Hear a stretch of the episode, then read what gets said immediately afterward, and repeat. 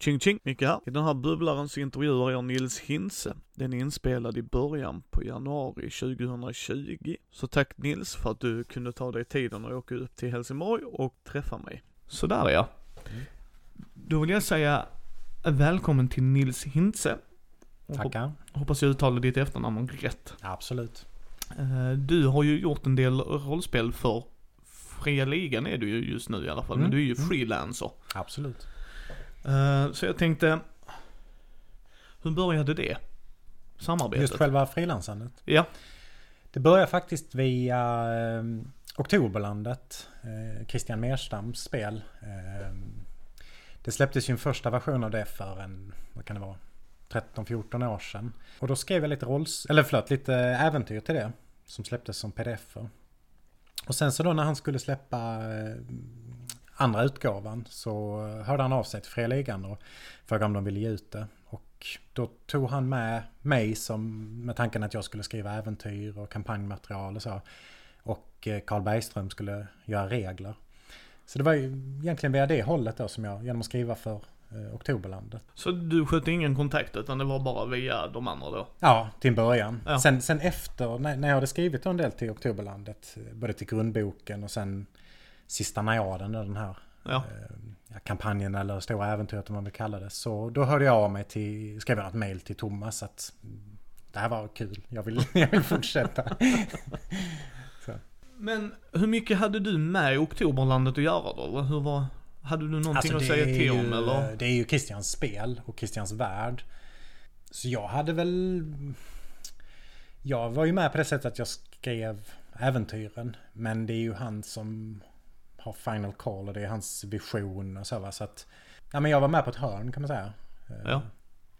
På den delen liksom. Ja, för, för du gjorde ju inte reglerna då ju, men de använder ju Fate Core Mm. System. Hade du spelat själv? För jag menar, Alltså Fate hade jag testat i ett par olika versioner. Det fanns något superhjältespel på 20-talet eller 30-talet. Något sånt. Som vi spelade en del Faith. Och sen har vi spelat bara Fate Core några gånger också. Så.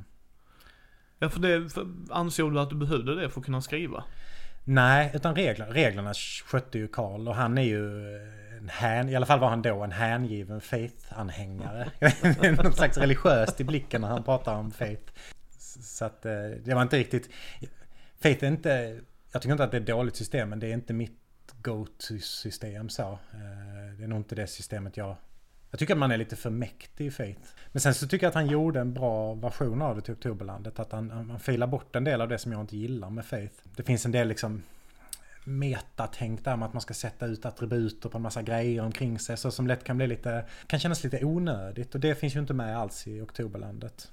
Nej. För, för jag tänker mig, hade du, var det bara text du gav ut då? Alltså fick du säga till om illustrationer? Ingenting. Ingenting alls. Ingen layout, Eh, ingenting, nej, utan det var nej. bara... Utan det var Christian och, och eh, Johan Nor som, som Ja. eh, bollade fram och tillbaks liksom.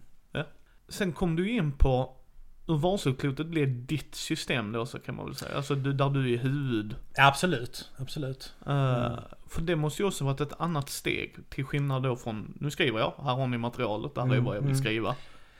Sen är det ju så, alltså som frilansare så där har man ju egentligen aldrig sista ordet utan man skriver ju alltid för någon annan som, som tar slutgiltiga besluten. Det är inte alltid att det är exakt de besluten man själv hade tagit. Eh, men det är klart om man, som jag har skrivit mycket för Fria Ligan, så gör jag ju det för att de är väldigt, väldigt bra att ha att göra med och gör jävligt bra grejer. Så att, men absolut, Varselklotet var ju mycket mer så, det fanns, det fanns liksom en, det fanns en idé när jag började skriva till det. Mm. Eh, Alltså man kan säga så att det gick till så att jag, jag skrev något mail till Thomas och sa så här, vad, behöver ni något? Och så bollade vi lite fram och tillbaks vad som passar mig och så föreslog någon av oss varselklotet. Och då fick jag liksom en... eh, De hade tänkt att det skulle vara barn och det ska vara mysterier som ska lösas och det ska baseras på hans bilder, Simons. Och mycket mer än så fanns inte. Nej. Och då satte jag mig ner med en kompis, eh, Håkan heter han som jag spelat jättemycket med. Och bara bollade så hur fan om man fattar mig. Gör man ett rollspel av det här?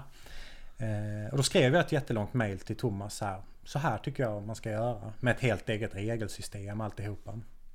Och så fick jag tillbaks att det här ser skitbra ut, du får gärna skriva men det ska vara någon slags version av år 0-motorn. Eh, så då fick jag liksom så här, kör igång typ.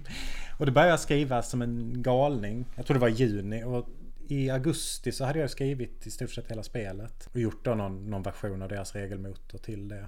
Ja, för, för er lyssnare som inte vet det så eh, har jag släppt videos på nollmotorn och skillnaden där är ju, det, där är en del skillnad. Den, den stora skillnaden är ju att spelledaren slår inte tärningar alls. Nej.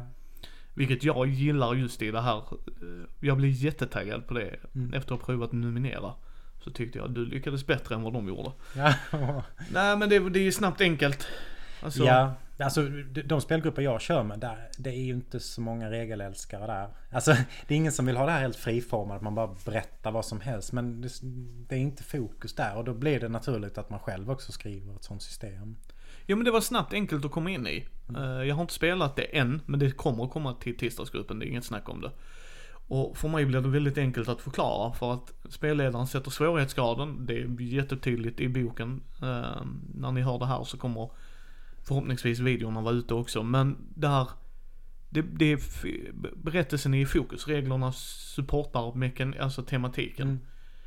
Vissa spel gör det bättre, andra sämre. Ditt gör definitivt det till det bättre. Mm, var roligt. Ja, eh, och sen att ni är tydliga med, för det är också rätt intressant. Det står väldigt tydligt att barnen kan aldrig dö.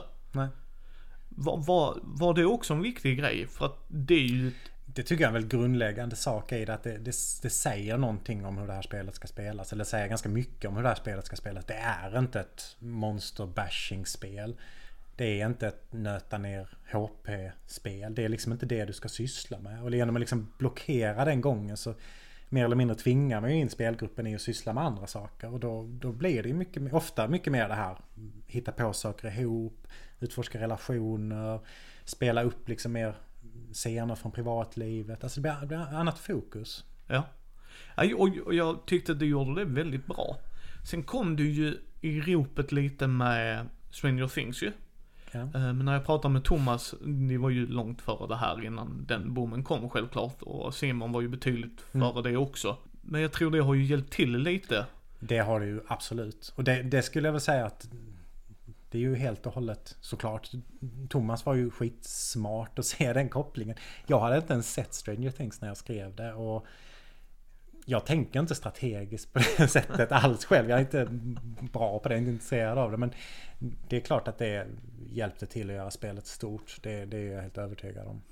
Ja, jag tycker liksom, jag gillar ju Stranger Things. Vi har sett tre säsonger, är det nu va, som har kommit ut. Mm, Både jag det och är det. frugan liksom. Eh, och ehm, liksom kunna förmedla den känslan. Nu kör ju Stranger Things mer, mycket, mycket mer mörkare ju. Det är ju inget snack om det, men själva grundmekaniken, vi är barn, det är på 80-talet, Mm. ni kan inte dö. Mm. Liksom, okej, fine. Ni gör det ju tydligt liksom. Däremot Mm. kan man bli bruten, man kan fortfarande misslyckas med uppdraget. Absolut. För, för det är en grej som inte stack i, i ögonen, eller så, men det stack ut. Mm. Så bara, hö. Ja, för vill man, ja okej, ja intressant. Mm. Jag, jag tror generellt att, att både när jag skri, spelar och när jag skriver rollspel så Utmaningar är, är inte lika centralt för mig. Alltså jag tycker såklart att man ska kunna misslyckas. I de flesta rollspel ska man kunna dö och sådär va. Men det är inte det jag tycker är kul. Eh, jag tycker inte det är särskilt kul att lösa gåtor. Jag tycker inte det är särskilt kul att vinna. Alltså om jag spelar OSR. Det, det är liksom inte riktigt... Jag tycker det kan vara intressant men det är inte min genre. För jag... Det är samma sak i brädspel. Jag, jag får ingen större kick av det här. Nu vann jag! Utan för mig är det mycket mer upplevelsen. Sen, sen för att upplevelsen ska bli bra, för att liksom interaktionen ska bli bra så måste det finnas hot. Eh, Alltså det finns, jag vet inte om du känner till det här Bear on the Beach begreppet. Det är från skrivvärlden liksom. Jag vet inte om det stämmer eller inte men det är någon berättelse i alla fall om någon som höll på att göra någon novell om två personer som satt och ett kärlekspar som satt och pratade på stranden. Det blev ganska trist. Och sen så kastade då författaren in att från ett närliggande zoo så har det smitit en, en aggressiv björn som rör sig på stranden. Och den träffar aldrig det här paret. Det, det blir aldrig ett möte. Men genom att införa det här hotet så blir deras interaktion intressant. Och så tänker jag nog mycket när jag- skriver och spelar. att det jag är ute efter det är inte en stor fight med en björn. Det, Nej. det är jag inte särskilt intresserad av. Men däremot genom att införa liksom slump, risk för att dö, problem. Så blir det andra mycket mer spännande. Ja, för... För, för det, det är lite så här intressant när man tänker tematik. I brädspel är jag mycket, mycket mer för mekanik. Alltså mekanikerna måste vara mer sundare för där har vi liksom en tidsram, man sitter och spelar. Det kan falla jättehårt. Tematik i rollspel kan ju oftast, oftast, inte alltid, täcka den grejen. Alltså har du mer tema och vissa grejer kan man tweaka bort och sådär. Men när jag läste ur varselklotet så kändes det som, nej men jag, jag förstår. Alltså det, det, för mig var det handen i handsken. Mm, mm, För det var väldigt intressant att läsa om, liksom, dels att man inte fick dö. Alltså, att- nej nej. Men sen också hur man läker sig. mm. För i år 0 så är det lite annorlunda. Självklart, liksom. Men begreppet var detsamma här. Men det gjorde också, när man läker sig så var det ju att sätta upp en scen för det. Mm. Det var ju liksom inte att nu tar jag en medicin och sen så, hui! För det är ju ju i år 0, men det är ju postapokalyptiskt, Mm. du ska käka lite. Alltså det är ju stulet från ett rollspel som heter Solar System. Som är ju Mm. mitt absoluta favoritrollspel. Ja. Eh, där man har de här recovery-scenerna. Och de, när vi har, spelat, vi har spelat sjukt mycket Solar System. Och de blir ju nästan alltid bäst de scenerna. Man har haft de här episka striderna. Och så sitter man på puben där och snackar sinsemellan. Och så blir det så jävla gött. Men det hade inte blivit, alltså det är inte, ett pubrollspel hade inte varit så jävla roligt. Liksom, bara pubscener. Men, men det, det, det händer någonting där när både spelare och rollpersoner kan lite luta sig bak. Alla vet att det kommer inte storma in några ninjas här. Vi kör det här några minuter. Det, det, det gör någonting. Så, så blir det liksom ett, en fördjupning i både spelupplevelsen och rollpersonerna. Och det, och det tyckte du lyckades med Nils. Mm. För, för det är ju också den som är grejen liksom när, när man läser ur varselklotet. Och då kommer jag säga i videon också liksom att du uppmuntrar ju både spelarna och spelledarna att sätta scenerna. Att Mm. ja, spelledaren vet ju plotten.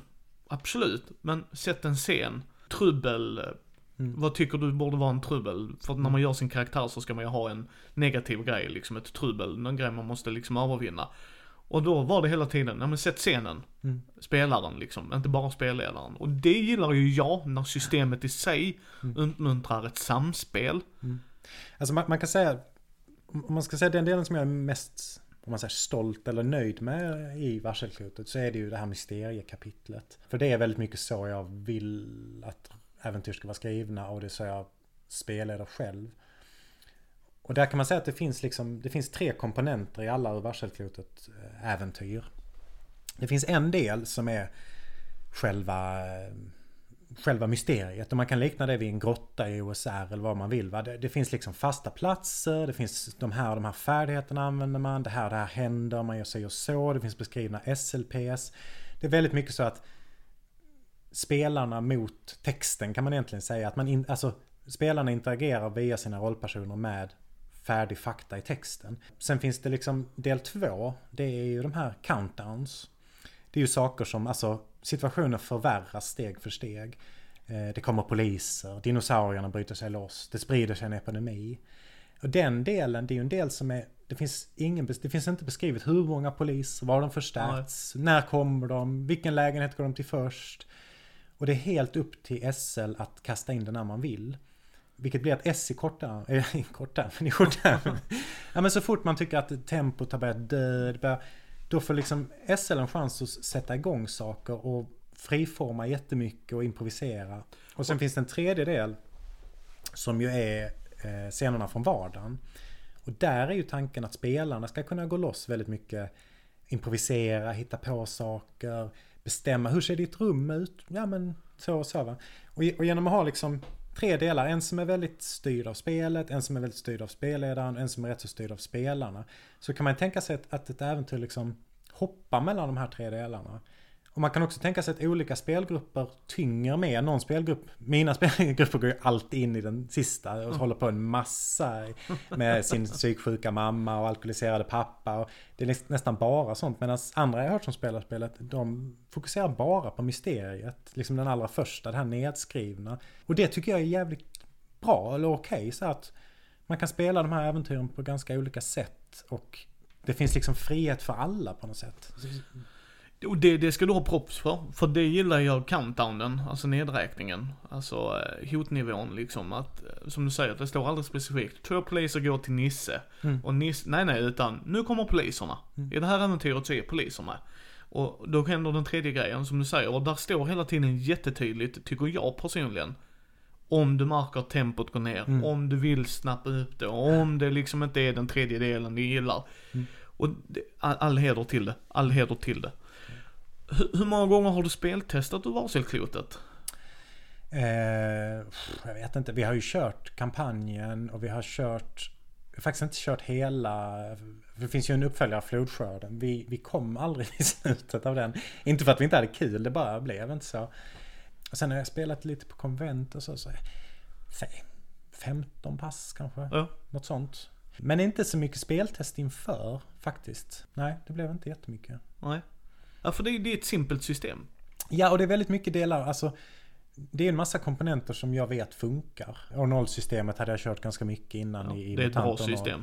Superbra. Och där, det är liksom inte, jag behöver inte testa push-mekaniken mekaniken och så va. Så att, Ja, ja alltså för det, det, det Många säger ju att Dungeons and Dragons är väldigt bra nybörjargrej och det Mm. tycker jag för att de har väldigt bra startersätt. Eh, Essential Kit är också riktigt Mm. bra på att förmedla det. Men jag står fast vid att jag gillar MUTANT år 0 som Ja, ja. Jag tror mycket det där handlar om var man kommer från. Jag har ju i stort sett aldrig spelat Dungeons and Dragons. Jag fattar inte de reglerna när jag läser startersättet. Men någon annan är det helt självklart. Jag tror att man, det är väldigt lätt att glömma det att man har med sig en massa, alltså det man har spelat tidigare kommer att vara mycket enklare att sätta sig in i liksom. Så, så är det ju. Jag är ju en firm believer av D100-systemet för att jag Ja. tycker det är väldigt överskådligt när man lär nya spelare. Hur duktig Mm. är jag på att skjuta? Ja, vad har du? 25 procent? Du är 25 procent duktig på att skjuta. Eh, Men i år 0 gillar jag det och det var det jag gillade. Varför ta ett, göra ett helt blankt slit när man kan ta en grej och anpassa det för det man vill. Jag är en Mm. firm believer av det. Jag tycker, jag tycker faktiskt de gör en jävligt smart grej i ligan. Att de, att de kör samma grund i alla sina spel. Jag kan bli lite trött sådär på att, att man kan höra där ibland, varför gör de inte nya system till sina nya spel och allting blir så lika. Dels så skulle jag väl säga att, att jämför du Forbidden Lands och Varselklotet så är det väldigt olika spelsystem. Och sen skulle jag också säga att jag menar Kult, ja det är Apocalypse World. Eh, troubleshooters, ja det kommer att vara hjältarnas... Alltså Ja. det är ju så man gör. Eh, Ja och sen ska man komma ihåg när man, som jag säger i podden också, när du läser ungefär ett rollspel i veckan. Det, det gör du oftast på grund utav, jag kan de här reglerna. Jag skimmar, eller jag läser det, men det går snabbt för mig att läsa. Jag behöver inte läsa om ett stycke. Hur fungerar år år noll-motorn? Jag kan det här. Mm. Aha, ni har gjort det här annorlunda. Jättebra. Alltså, och de gör grejer annorlunda. För de tar inte bara år noll eller hjältarnas tid, utan de Nej. skräddarsyr det. Vilket jag tycker är ett, vissa spel blir sämre. Mm. Absolut, det kan det vara. För då har de tagit en motor som inte funkar. Nej. Men då, då är det ju motorn som inte fungerar i systemet. Jag har inte upplevt det med Fria Ligans produkter. Nej, jag, jag upplever inte det. Sen, finns det ju massa saker som är... Nej, men jag komma ihåg att någon pratade till exempel om, om, om år 0, MUTANT år 0, att eh, eh, så som det regelsystemet är uppbyggt så kan du spara alla dina mutationspoäng har man ju då för att sätta igång sina mutationer. Så kan du gå in till bossen i slutet och så bara döda honom på en runda. Ja. Det skulle man ju kunna tycka, men åh fan vilket kast. Men då har man ju också med sig en spelstil, att det överhuvudtaget ska finnas en boss, att det finns en slutstrid. Alltså, reglerna skapar ju också spelstilen. Och, och, och, ehm, och är man inte flexibel i det utan försöker liksom spela Försöker man spela Dungeons and Dragons som man spelar Call of Cthulhu eller vice versa Ja. så kommer det att hacka. Det är klart va? Alltså, Ja. Men det, och det är det jag gillar med år 0-motorn. Att den är väldigt flexibel. Mm. Alltså om du tittar på MUTANT år 0. Jag har spelat väldigt mycket MUTANT år 0-motorn. Väldigt lite MUTANT år 0. Mm. För att jag kan sätta den i en postapokalyptisk värld. Och ändå ha ett snabbt, smidigt, enkelt system att komma igång. För det är det jag tycker. Det var därför jag gillar när jag läste ur varselklotet och flodskörden för den delen. Där är lite ändringar. Men, och vi kommer till den lite senare här. Men, men jag gillar att, för, för grejen är det här. Man ska komma ihåg när, jag tror Nils håller med här. När man ska ge ett nytt system till en människa. Nu ska vi spela det här spelet. Så vill inte vi sitta, som vi snackar lite off mic här också. Två och en halv timme på att göra karaktär Nej. två och en halv timme att förklara reglerna. Alltså du vet såhär, nej nej vi, ja men vi spelar. Nej nej jag måste förklara de här grejerna när vi kommer igång. Ur varselklotet behöver jag inte göra det. Gör era karaktärer, MUTANT år 0, Lia så för den delen. Gör era karaktärer, vi rullar för det, bara kör. Du har så mycket poäng, det här är klasserna eller... Mm. eh, Ja, liksom all respekt för de som gillar det. Jag, jag säger Ja, inte att man inte får göra det, men för egen del så kan jag känna Typ desto äldre jag blir desto snabbare behöver det gå för att komma igång liksom. Ja, absolut, och det håller jag med om. Gillar Mm. man det, men då har man, då, då är du lite inne på det som innan, då är det ju en spelstil. Mm. Mm. Och liksom det är ju, då har de ju kul att sitta två och en halv timme och göra karaktär. Jag sitter ju mer så här, skjut mig. Ja. Alltså förstår Ja, du liksom? verkligen. För det här är två och en halv timme och vi kan sitta och spela Mm, liksom, eller mm. två timmar. Det kan ju ta en halv timme att göra karaktär, det kan jag förstå. Ja, ja, absolut. Så det är liksom en jätteintressant idé. Men hur var det att jobba från illustrationerna? För det är ju också, det är ju en skillnad att komma ifrån, tänker jag mig. Mm. Här är min idé. Mm. En jätteskillnad. Ja. Alltså det, det är ju... En del ska sägas att jag är inte så... Eh, eh, vad ska man säga? Så bildtänk. Jag ser inte saker i bilder och så när jag skriver saker eller när jag läser böcker. Och det tror jag faktiskt var en fördel. För att då risken annars... Simons bilder är så svinbra. Jag tänker han är ju, han är ju inte illustratör, han är ju konstnär. Alltså det är Ja. ju, så jag tror att det var rätt bra faktiskt att jag inte är så bildig. För då, då hade det varit risk att man hade låst sig vid det. Ehm, Men sen är det ju verkligen både en fördel och en nackdel. För att när man ska försöka göra någonting kreativt så, så tycker jag det är ju alltid enklare att, att bli begränsad. Det är okej, det är de här bilderna jag har. Eh, Det är det här jag måste göra. Jag kan inte skriva om vad som helst i hela världen. Och det, det är på ett sätt enklare. Och sen samtidigt så var det en rätt svår process där. Okej, nu ska jag skriva fyra äventyr. Jag ska bläddra i den här boken, försöka hitta den och den och den bilden. Och fan, jag kommer inte på någonting till det. Och man får liksom... Men det, det är ju liksom en spännande utmaning tycker jag. Att, försöka få ihop det så. Ja, för ni gjorde det ur varselklotet. Mm. Det, ni fick fem Ennis. Ja, Det, och, och, och för folk som inte vet Ennis, jag skulle säga det är rollspelsvärldens svar på Oscar. Mm. Eh, och det är på Gencon den delas Ja, ut. ja. ja. Och det var ju inte, alltså det var ju välförtjänt. Alltså jag förstår ju grejen. Men hur Ja. kändes det? Ja, det var ju overkligt. Alltså jag hade inte en tanke. Jag blev helt överväldigad att vi blev nomine- nominerade. Jag hade inte en tanke på att... Alltså hade jag haft en tanke om att vi skulle vinna så hade jag nog försökt åka dit. Men jag kollade så här på morgonen på paddan liksom. Bara, what? så att det var... Ja, det var otroligt häftigt. Och, och såklart då den här för best writing Ja. är ju den jag är stoltast över. Det andra Ja. är också skitcoolt. Bästa spel och... Ja. Så, men, men eh, framförallt best writing kändes ju otroligt häftigt. Ja, för, för det är en grej som jag gillar med ligan. De gör internationellt och Mm. svenskt. Och att de håller sig fortfarande med svenskt. För Mm. jag vill gärna läsa på svenska. Dels att det går snabbare för mig att processa det. Och sen behöver jag inte ha allt på engelska. Alltså, tycker det är jättebra för vad man gör det till. Mm. Men ni har ju en svensk Mälaröarna. Och Mm. det är ju på grund av, eh, rätta mig om jag har fel, men det är ju för att det är där hans Ja, bilder och sånt Absolut. där liksom. absolut. Och sen hade väl Thomas och några andra connections dit också om jag har förstått det rätt. Men sen gjorde ni Boulder City. Var du Mm. med och gjorde det eller var det bara jag nej, nej, utan det jag, jag har skrivit allt i varselklotet utom de två kapitlen Mälaröarna och Boulder City. Ja. Däremot var det jag som översatte det från engelska till svenska. Allt, hela, det var jättemärkligt. Jag skrev ju allting på engelska och sen fick jag översätta mina egna texter till svenska. Ehm, men Boulder City är väl... För det förekommer ju i eh, Simons bok. Och jag tror att det är för att han själv har varit, var i Boulder City när han... Nu gissar jag lite här Ja. så nu kanske jag har helt fel. Men jag tror att det var så att han själv har besökt Boulder City under sin uppväxt. Och att därför blev det en del av hans bok liksom. Och så blev det Boulder City. Ja, ja. Men det var ju väldigt... Där, där kan man ju också prata om att man blir begränsad i sin kreativitet. För Boulder City och Mälaröarna är ju extremt olika. Bara det här när man skulle liksom... Jag hade skrivit den här kampanjen då för fyra äventyr som var fyra årstider. ja. Okej, och då visste inte jag att vi skulle ha Boulder City. Jag skrev bara för Mälaröarna. Och sen, ja. okej, så när allt, allting var klart så slängde vi in Boulder City.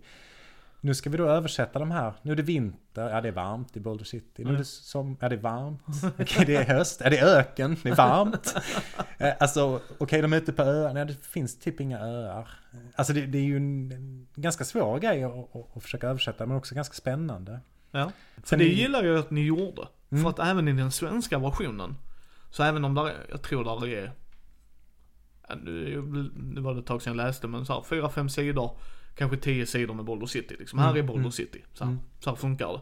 Vilket jag gillar, liksom en övergripande bild. Och för sen fokusen läggs ju på Mälaröarna Ja. och det, det är tydligt från början varför liksom. Mm. Utan, men jag gillar att ni har med det, för att när du skriver dina äventyr, sen vet jag inte om det är du som har gjort det, men där står, om du spelar i Baldur's City, Mm. så är det den här personens namn istället. Och det är bara en liten parentes. Men det är jag som har gjort det. Ja. Jag tror det var Thomas idé att göra det på det sättet. Och det är ju smart. Alltså, mm. ni använder ju bägge miljöerna fortfarande, även om du skriver specifikt här. Men jag tror, jag tror att i, i Flodskörden så blev det ju mer uttänkt. Där tror jag också båda settingkapitlen är längre. Eh, Där, Ja. jag, där skrev jag dem också. Så där kanske det hänger ihop lite bättre i och med att allt är skrivet av samma. Och när jag skrev äventyren till det så fanns ju, då fanns ju Boulder City med hela tiden. Medan i Varselklotet så... Oops! Ja okej. Det behöver en båt här men det finns inget vatten. Och, ja du vet. Det Ja. blev liksom, men det, jag tyckte det blev skitbra men... Eh, Det var mer ad hoc liksom i, i varselklotet. Ja, alltså jag, jag gillar den idén väldigt mycket. Och vad jag gillar med varselklotet är att det är ett väldigt bra one-shot-spel. Ja, det är det. Uh, vissa spel, Dungeons and Dragons, är fortfarande svårt att göra ett one-shot till. Det Mm, går mm. och man kan mecka runt det. Men i var, var, varselklotet så har ni äventyr där.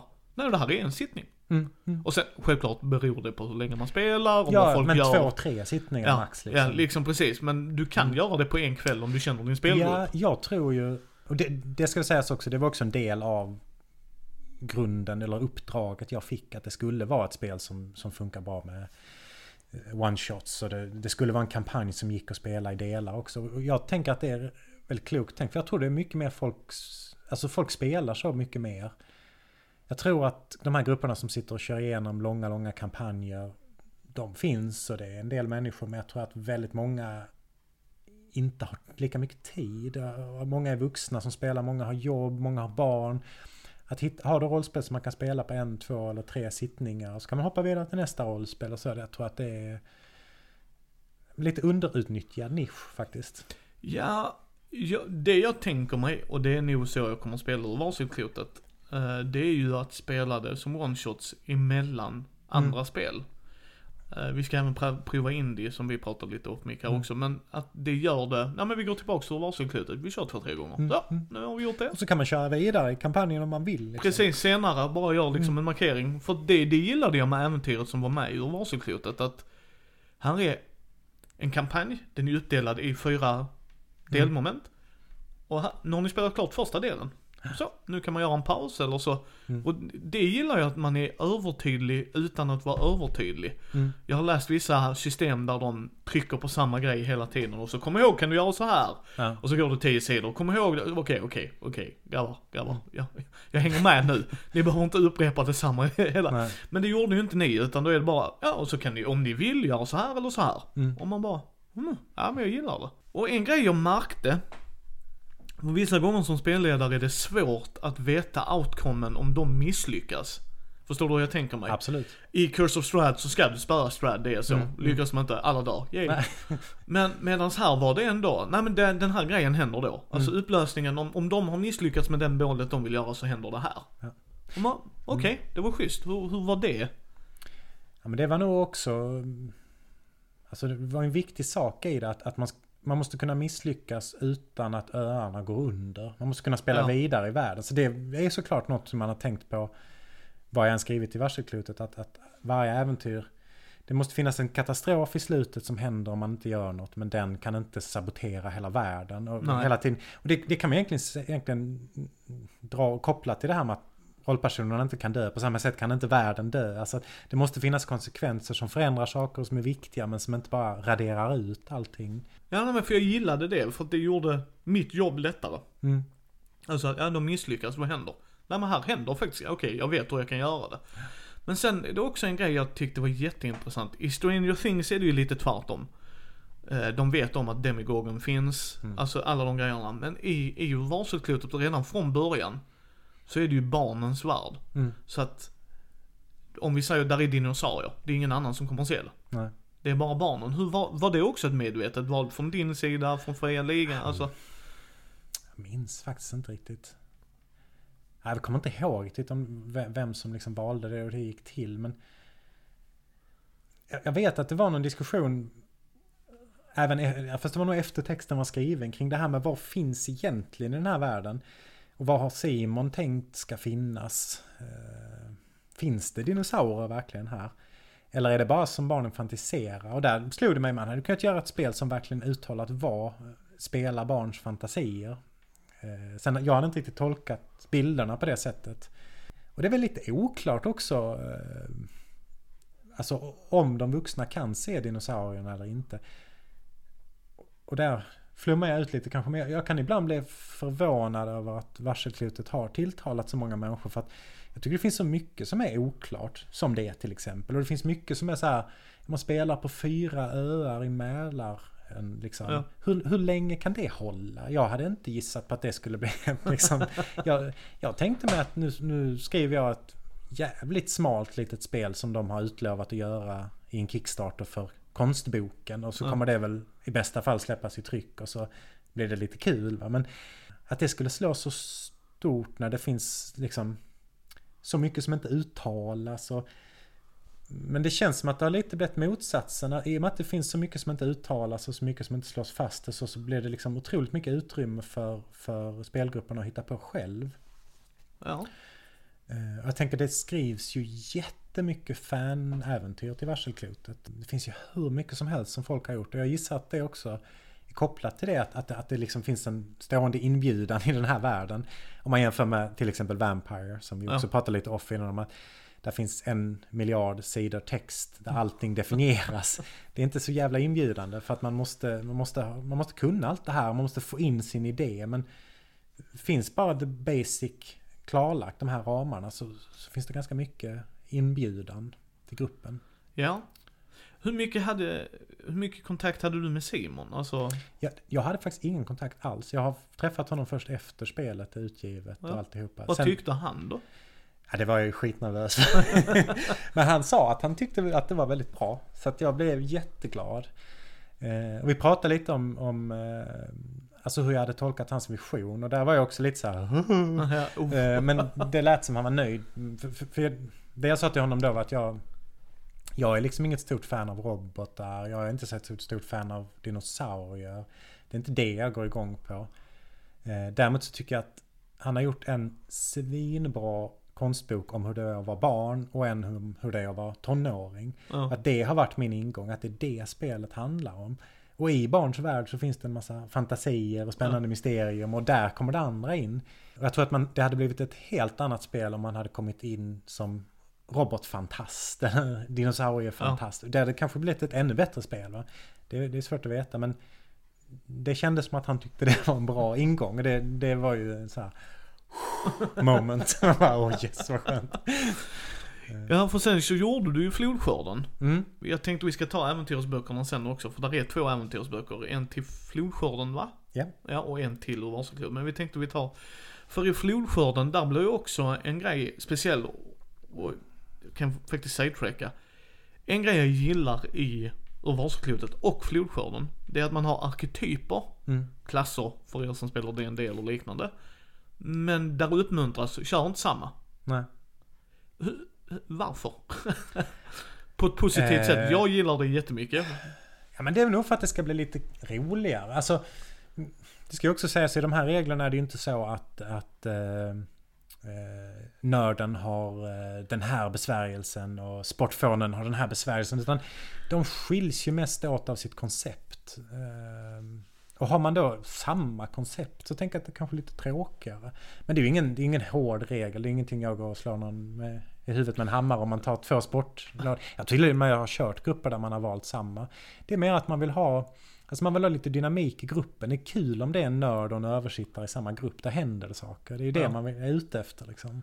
Ja för sen så skrev ni, men det är ju lite från MUTANT år 0 också. Att man har ett problem. Mm.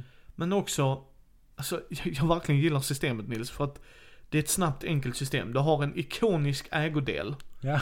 Och den ger dig plus två tärningar. Mm. Så. Men alla får plus två tärningar. Alltså, mm. det är ingen som... Din ägodel är bra för din del, självklart. Och, och sen uppmuntras det liksom, hur kommer den i effekt? Det är inte att jag, jag springer runt med en skateboard och bashar allting, så har jag alltid plus två, utan mm. nu klättrar jag i träd, nu använder jag min skateboard, då kan jag spela där Ehm, Förklara gärna hur du gör det här. Och då kan jag tänka mig om de är kreativa, att jag använder det för att komma upp i trädet. Okej, Ja, ja. fine. Mm. Och det gillar jag för att ni, du satte fingret på det innan Nils och det, det ska du ha eloge för, för jag älskar när det inte är skrivet i sten utan Mm. här har ni grundmekaniken. Du har en privat ägodel. Den är bara din och den funkar bara för dig. Du blir aldrig av med den. Nej. Den går inte i sönder. Vilket jag gillar. Förrän du väljer att den går i sönder, då får du en ny. Vilket är också jättebra. Men hur såg det ut? För det är inget, nu har jag inte läst all rollspel i hela världen, men det är inget jag hade sett innan.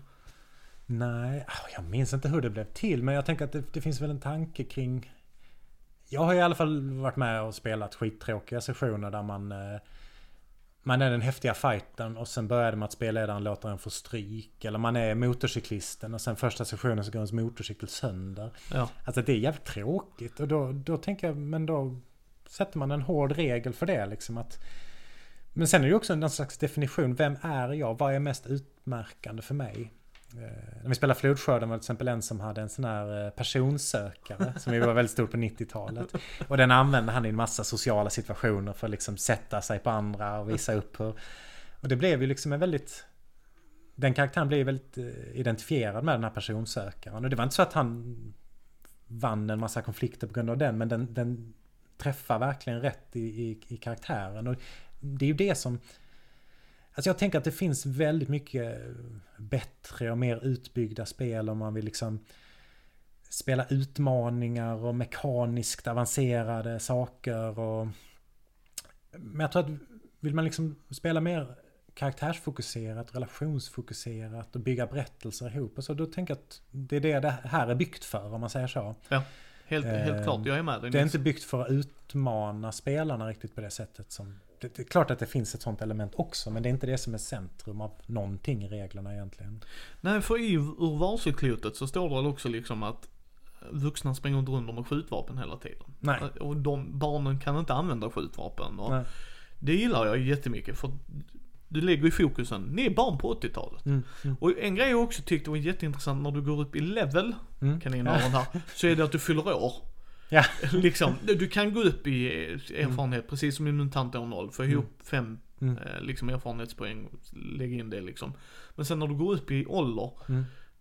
så liksom, nej nu är du 16, nu Mm. dör din karaktär, kaninöron. Den, Mm. den har inte tid med barnsligheter längre. Nej, där. Gör en ny. Precis, gör en ny och det liksom, så som ni har gjort det så går det ju att göra en ny och man är medveten om det. Alltså att det Mm, inte liksom så kommer som en överraskning, shit nu är jag borta. Nej. Utan, Nej, man anger ju också sin egen födelsedag. Precis, att, precis. eh, Och, och hur ser det arbetet ut? För det är ju väldigt... För, för en grej som jag gillade i början, det var att ju äldre du är, ju mer grejer kan du göra, du är bättre Mm, på mm. saker. Men ju mindre tid är du i kampanjen. Alltså, Mm. jag, jag är 15 bast. Mm. Ja, du är med i ett år. Ja. Du kan Alltså, göra jag tror- skitgrymt på ett år, men... Alltså, jag ska väl säga, jag är ju ingen...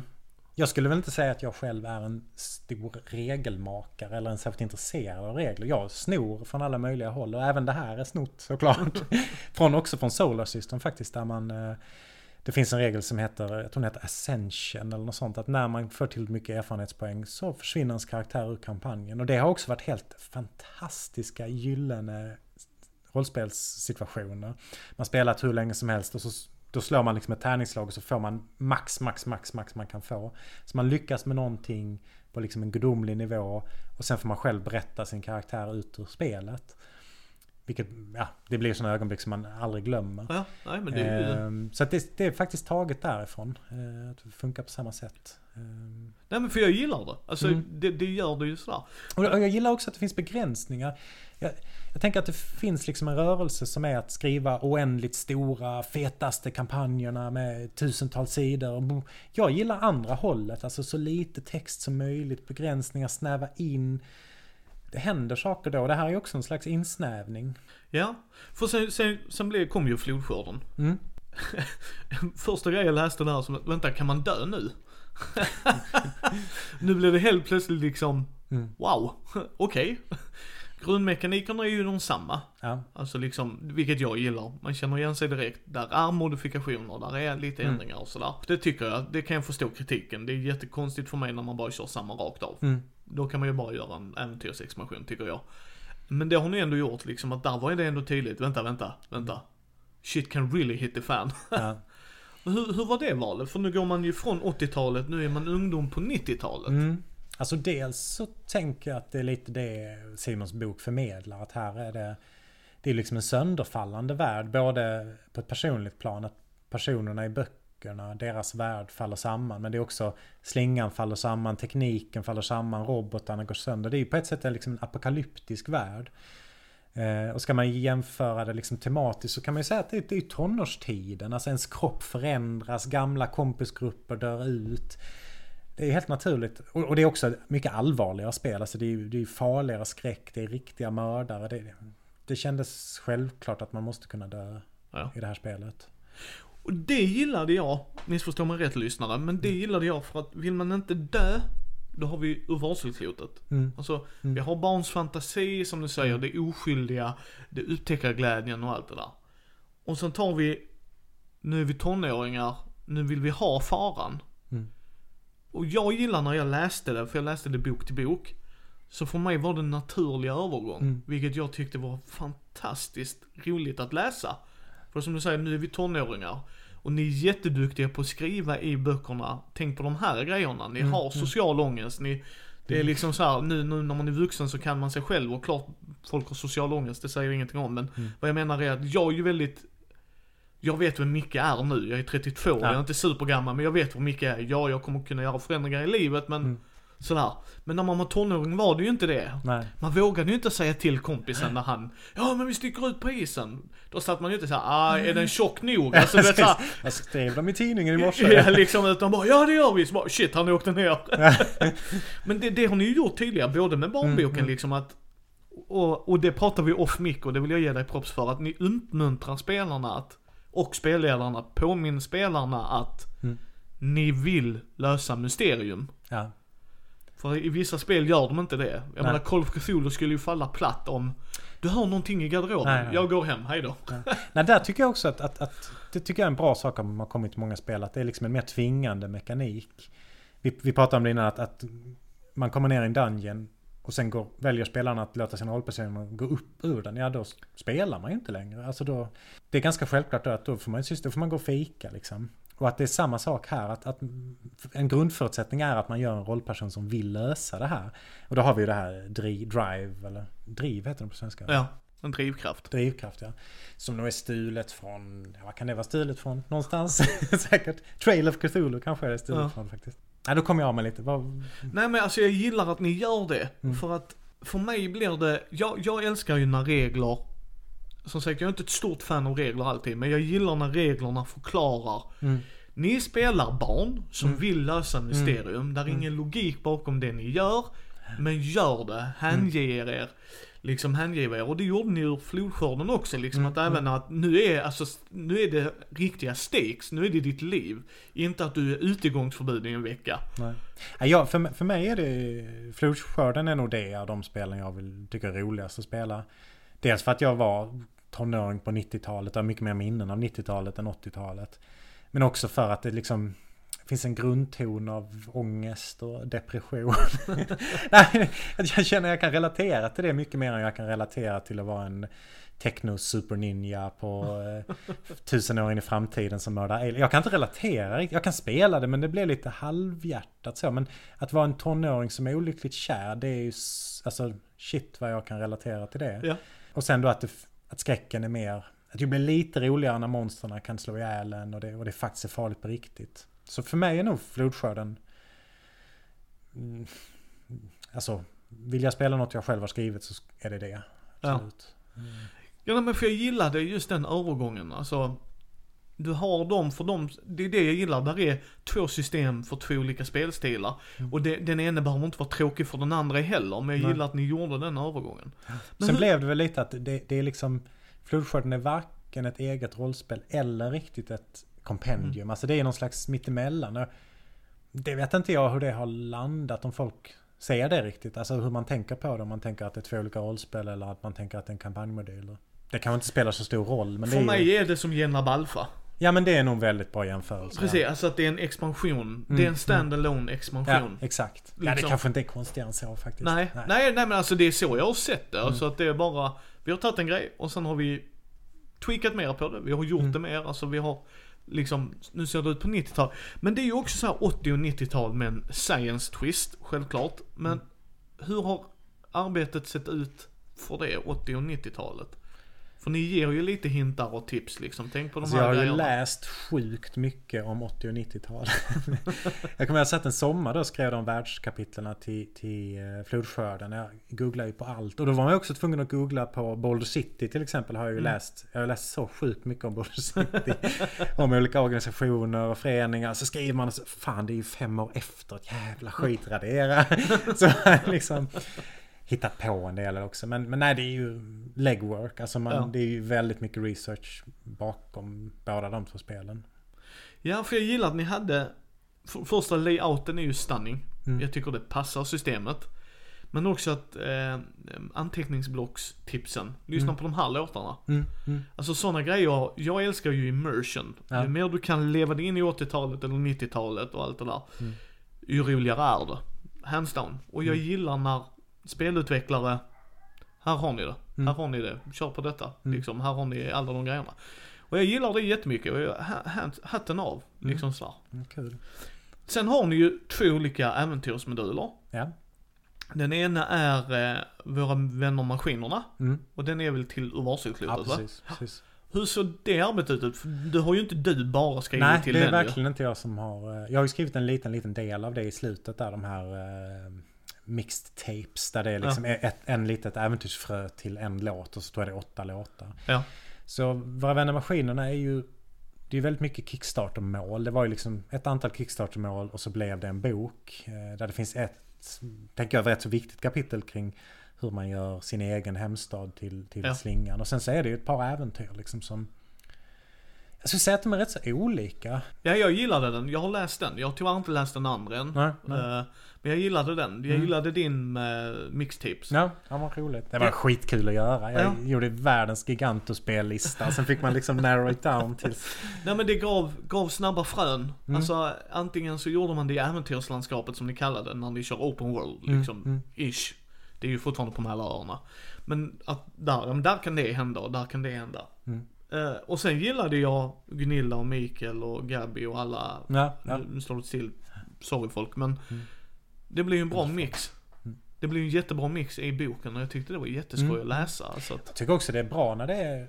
Alltså när det är rätt så olika grejer så får man liksom olika bild av hur spelet kan spelas. Det tycker jag är väldigt bra. sen gillar jag ju sådana för att det, det är ju one-offs. Mm. Mer eller mindre. Mm. Ja, man kan bara plocka upp den boken och så Precis. väljer man ett och kör. Nu har vi inte kört Gabbys äventyr, så nu spelar vi det. Ja. Tjoff! Jag läser igenom det. Det är inte hundra sidor Nej. äventyr. Jag himlar med ögonen här ser Nils, men det, det finns inget mer daunting. Nej. Eh, Men sen så kommer ju den andra boken. Ja. Ehm, Out of time heter den väl på engelska? Vad heter den på svenska? Oh, den ska komma här. Sådär ja, eh, kronografens hemligheter. Nu har jag ju tyvärr inte kommit till den än. Nej. Det är ju, Rickard Antroja är ju en annan frilansare för Fria Ligan. Ja. Eh, jätteduktig som också skrivit delar eh, av texten både i Varselklotet och Flodskörden eh, och kommande Nordiska väsen.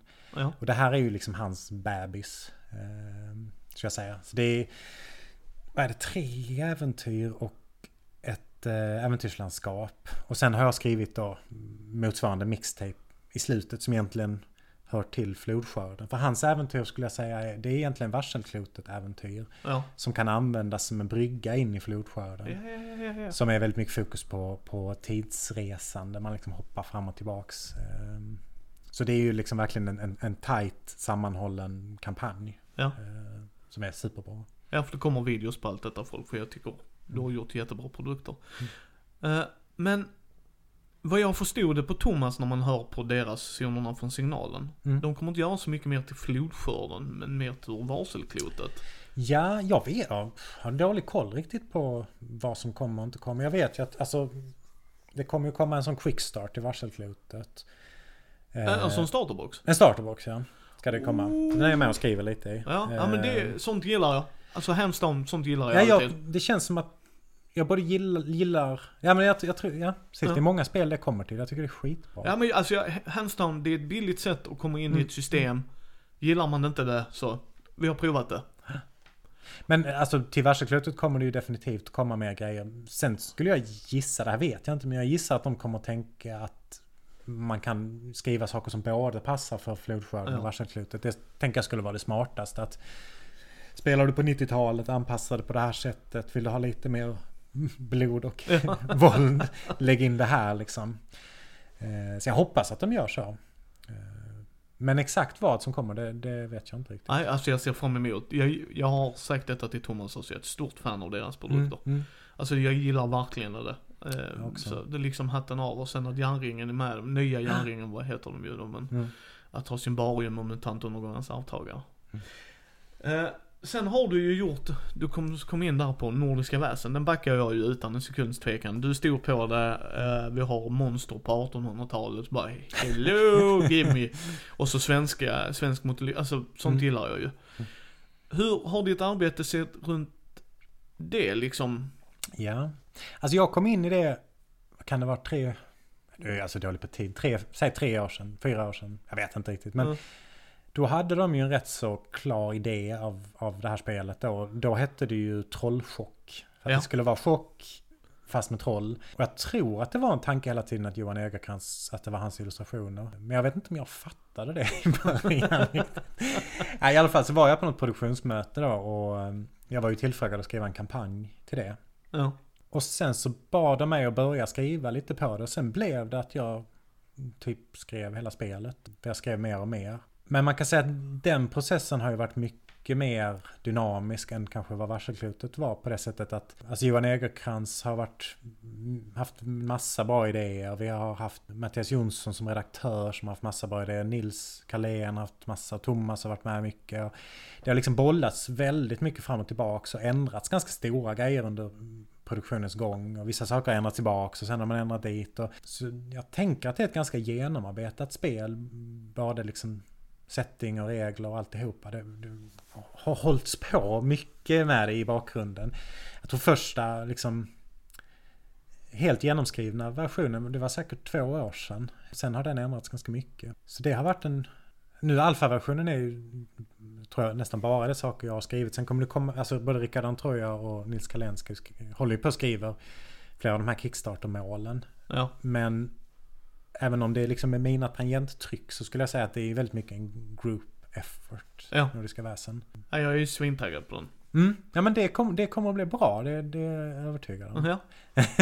det är skitroligt. Vi har kört, jag har kört lite med min fru och vi har haft skitkul. Ja, men det är ju jättehärligt. Ja, jag är svintaggad på det. Men hur, hur är det att skriva, för det här är ju mer, jag kan ha hört detta fel, men mysskräck. Ja, det är nog bara... Det är ju inte kult. Nej, precis. Och det är Eh. inte Call of Cthulhu. Nej, det är det nog inte riktigt heller. Och det ska man också säga, det är en helt annan bäst i sig. Mm, mm. Liksom som vi skämtade där innan när folk tror, jag har 37 i liv, alla Ja, andra ja. bara, "D- nej. Nej, nu dör det. du, du kan ha 300 i liv, Jag skulle säga att, att Nordiska väsen är det- det har ju den likheten att slåss är sällan en... Alltså de flesta väsen kommer ju bara pulverisera en. Det är inte ett spel där man ska gå in och panga ihjäl. De flesta monster går inte ens att döda. Så det har ju likheter på det sättet att, att välj inte den vägen och försöka klara det här äventyret för det kommer nog inte att funka. Men sen så har du ju mycket mer Alltså det är ju inte helt klart att det är väsena som är monstren. Alltså det kan lika mycket vara människorna som är monstren och det kommer skilja sig från olika mysterium. Och, alltså det är ju det är på ett sätt en värld i upplösning också. På ett sätt kan man, nu låter det väldigt stiff här, men man kan säga att spelet handlar om industrialiseringen. Alltså, när, alltså och urbaniseringen. Det är ju det som är fokus. Alltså det gamla bondesamhället bryter upp, städerna tar över, folk överger gamla liksom sätt att leva som har funnits hur länge som helst, lämna landsbygden. eh, Med allt vad det innebar av liksom fattigdom och otrygghet, men också järnvägar, Ja. nya uppfinningar. Det är liksom en ny värld som håller på att födas. Och i det här så, så de gamla väsena står ju för den gamla tiden. Och de blir ju också rotlösa. eh, Kan man på ett sätt säga. De förlorar ju människorna som de har levt tillsammans med. Och i allt det här så uppstår det en massa konflikter. Eh, Och det är de man undersöker liksom. Ja. ja, jag är hook, line and sinker. Ja, men Det- var gött. Men hur är det också skriva, skrivit på 80-talet, Mm. skrivit på 90-talet. Oktoberlandet är ju en grej i sig. Mm. Rysk eh, Precis. steampunk. Precis. Mm. Och sen då industrialiseringen, urbaniseringen. Hur har Mm. det hoppet varit? Det har varit kul. men, men jag tänker att det finns ju en väldig likhet i det att det blir väldigt mycket eh, läsa in sig. Och Ja. det är ju skitbra. Alltså, det är så jävla bra sätt att närma sig texter. Det är på ett sätt mycket svårare att skriva om saker där man inte kan luta sig på en verklighet eller ett färdigt material. Alltså för att, ja, men till exempel så, så ett av de äventyren jag har skrivit till den här, det kommer också komma en äventyrsbok. Det, det handlar väldigt mycket om det här badhuset som fanns i, eh, i Mölle. Som det var väldigt mycket konflikter kring. För det kom liksom badgäster från hela norra Europa och det badades naknet. Och Mm. de som bodde där ogillade det. Och där finns, alltså där finns redan en konflikt. Där finns redan en massa personer. Där finns redan liksom... Det är bara att slänga in ett väsen. Så, så kör vi liksom. Samma sak där när man beskriver hela världen. Alltså att kunna läsa in sig på vad hände när järnvägen kom. Vad hände när man tryckte ihop en massa underbetalda fabriksarbetare i små, små bostäder i, i storstäderna. Det, det blev ganska problematiskt och genast har man liksom idéer för att, hur, hur slänger man in ett väsen i det här? Ja, jag gillar det jättemycket. Jag var som sagt idén bakom det. Mm, mm, Call of Cthulhu utspelar sig på 20-talet. Du kan Mm. spela det innan i Gaslight och alla dem. mm. Huvudfokusen är ju 20-talet, medan här så... Här är det ju ett oklart 1800-tal. Precis. Nej men det är det jag menar precis. Och det är också en sån sak som ändrades. Jag tror min tanke, jag vet inte var jag fick den ifrån, men det var väl att det skulle utspela sig typ 1850. Men sen har det då förändrats till att det finns ju uppfinningar med som är från slutet av 1800-talet och från början. Och många på bilderna har nog kläder som är tidigt 1800-tal. Och det är ju liksom en, det är ju med mening. Det här är inte riktiga 1800-talet. Utan det är en Nej. låtsasvärld. Liksom gör vad ni vill med den. Lite som uh, urvalsklotet och Exakt. flodskörden ju. Mm, Det är en mm. vår värld med en twist. Mm. Vi kommer inte att säga till någon att eh, nu har du fel för det, 1843 så fanns inte det här. Så, så är det inte. Det, det är absolut något man vill bort från. Ja. ja. Jag är som sagt, jag är så taggad på det. Jag gillar ju skräck Mm. överlag. Men det här är ju mer mysskräckfaktorn Mm. ju, om vi Mm. säger så jämfört med kanske flodskörden. För att, och Absolut. tonårsångest är ju inte mysskräck för Nej, mig. nej, nej. Det nej. kan ju vara det, alltså man sitter i grupp och bara fan vad kul vi har, självklart. Men mysskräck för mig är annorlunda. Hur, Mm. hur, hur har det varit att skrivet då? Förstår du lite hur jag menar där? Att, Ja, jag vet inte riktigt. Det är svårt att svara riktigt på. För jag tycker skräck är en rätt speciell genre att skriva i. För det är svårt att liksom skriva fram skräck. Utan man skriver ju alltid någon slags berättelse och persongalleri och sen råkar det lite bli skräck. på något sätt. Jag har kanske ingen riktigt bra svar på det utan eh, det- är mer tonen på allting som blir mer mys än...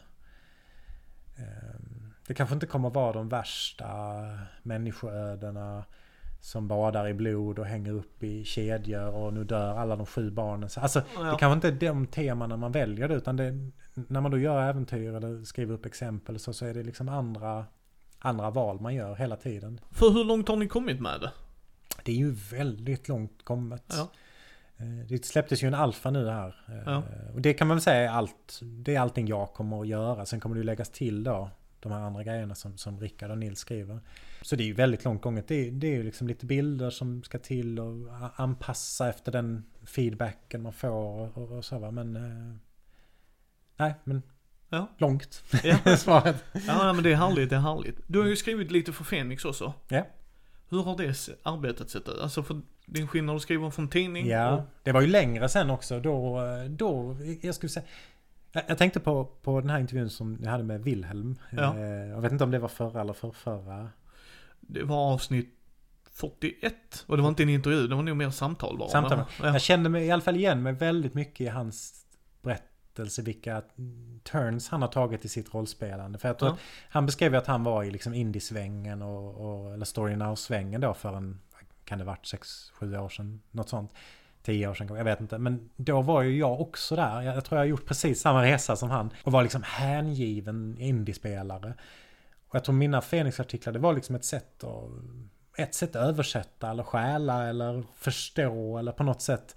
Jag skrev någon artikel som handlar om hur man spelleder i den spelstilen. Någon hur man kan liksom göra tärningsslag med stakes. Jag skrev några äventyr som var väldigt indie-äventyr snarare än tradd-äventyr. Så att, så att på ett sätt så tog jag allting jag höll på med och höll på att lära mig så skrev jag artiklar som ett sätt att själv lära mig kan man säga. Ja. Det var skitkul. Jag skulle gärna göra det igen, skriva till Fenix. Ja. Hur, hur viktigt tycker du speltester är överlag? Nu fick du ju som sagt en, en, en version av vår mm. nollmotorn. Du visste om motorn funkar, du hade spelat mm. med den. Men hur tycker du?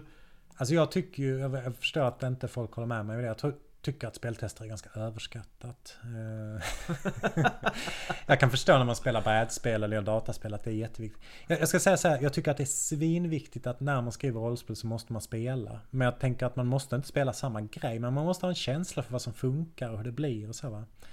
Jag så... tror du, om jag, förlåt mig Nils, men jag tror du nog vill att man ska, rätta mig om jag är helt fel, men om jag förstår det rätt här att man ska speltesta så att mekanikerna fungerar så att det förmedlar kanske det du vill men inte att det behöver vara svinbalanserat eller? Ja, eller man kan säga så här om du tittar på om vi tittar på medicinsk forskning till exempel. Ja. Så kan man ju göra en behandling för en person. Och så ser man om det funkar eller inte. Men det säger ingenting. Utan du måste göra det på 200 människor, 1000 människor. Då kan du få fram något slags statistiskt underlag. Och säga att ja men de flesta blev friska. Och jag skulle säga att det är samma sak med speltester. Alltså att det är lätt att fullständigt överskatta äventyret. Alltså det kan vara en spelgrupp som har spelat äventyret. Det är skitbra. Men i realiteten så var det inte för att spelet var bra. Utan det, vi bara hade kul. Eller vi drack väldigt många öl den kvällen. Eller tärningarna Alltså jag har hört folk som säger Varselklotet är så jävla svårt. Och, och, och ska jag säga, när rent om du tittar på hur många tärningar du får och, och liksom sannolikheten och alla de här turpoängen så är det nog ett spel som är väldigt viktat åt spelarnas håll. Men man tar den erfarenheten man får och så tror man att det är generaliserbart. Och då, då tror jag att du, skulle du på riktigt speltesta så måste du göra fruktansvärt många speltester. Och det är väldigt svårt att veta Funkar det här äventyret för att jag kör nu med min inkörda grupp och vi vet precis och Sen spelar du med någon annan och så funkar ingenting. Nej, ja, så, det är intressant. Så jag, jag, tycker att, jag tycker att speltester är bra för några grejer. Jag tycker det är bra för att idiottesta saker. Alltså en mekanik helt kass så märker du det i ett speltest. Det var lite det jag eh, menade ja, innan med ja. liksom att man sätter baselinen. Att ja, den här ja. mekaniken gjorde inte alls det jag Nej, ville. nej, det märker du i speltest. Och sen så skulle jag säga att det är ett bra sätt att bli kreativ. Alltså om du ska skriva något så slänger du ihop något, speltestar och i speltestet kommer du få en massa idéer från spelarna som du aldrig hade tänkt på själv. Men för finputsa så tror jag det är överskattat. Ja, ja, ja intressant. nej, nej, men det är... Men jag tror att det är många som inte tycker det, men jag tycker det. Men var får du din inspiration ifrån? Eh, ja, det är svårt. Eh... Det bara faller på plats liksom, eller? Alltså jag, jag har nog alltid något jag skriver på. Jag blir stressad när jag inte har något jag skriver på. Då är det liksom, jag går och tänker på det hela tiden. När jag tar hand om barnen, när jag gör saker, när jag cyklar till jobbet så har man liksom alltid det i bakhuvudet. Och det handlar ofta om att jag går igång på någonting, en SLP, en idé, något jag vill göra. Och så blir man lite besatt av det liksom. Ja. kan vara en fras, en titel på en sak man vill skriva liksom. Och så bara oh, tänker man på det oh, hela, hela, hela tiden så va.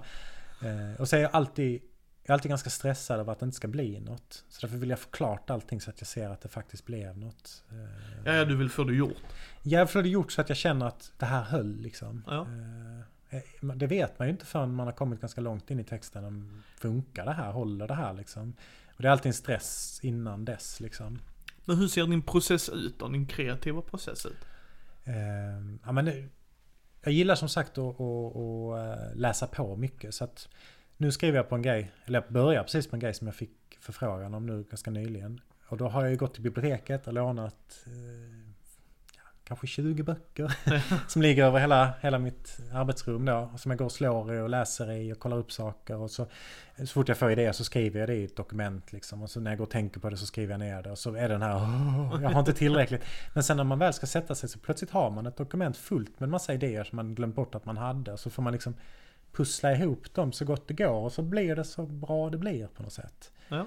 Jag försöker aldrig skriva något som är perfekt eller helt rätt eller nu ska jag släppa den här. Det, ja, riktigt... Din Magnus Opus liksom. Nej, det kanske kommer någon gång i framtiden att jag tänker så eller gör det. Men just nu så är det mer, jag försöker få ihop varje grej så bra det går liksom. Hur viktigt är tema? Vad är dina tankar runt tematik i rollspel? Jag tycker det är otroligt viktigt. Men däremot så tycker jag inte, jag tycker inte att det funkar att bestämma ett tema och sen skriva.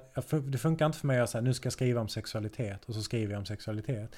Utan temat blir något som växer fram när man skriver. Att man märker att mm, det verkar handla rätt mycket om det. Kan jag då vrida den här SLPn så att han också brottas med samma problematik? Kan jag vrida den här? Mm, Okej, okay, här, här händer någonting. Och, och ibland är ju temat väldigt tydligt. Liksom, det är det här temat, det handlar om det här. Industrialisering, det finns många teman i väsen men det är ett väldigt så här, mm, mm. Ibland ser man ju inte temana förrän man har släppt om någon annan säger det. Så, shit, det handlar om det också. Ehm, men det finns absolut, och, och, finns det inte ett tema så är inte jag så intresserad av det. Varken att spela eller skriva saker. Nej. Jag är som sagt, jag är inte så mycket för mekanik. Jag är inte så mycket för att bli utmanad. Jag tycker inte om att lösa pussel. Jag avskyr schack. Jag tycker inte om deckargator. jag tycker inte om strid. Alltså jag tycker om tematik, relationer, känslor. Eh, immersion ska jag nog säga det jag går igång på. Men hur, hur, nu har du ju ändå skrivit regler. Ja. Det får man ju ändå... Försökt. Ja. ja. Nej, du har, du har ja, skrivit har bra skrivit regler. regler ja.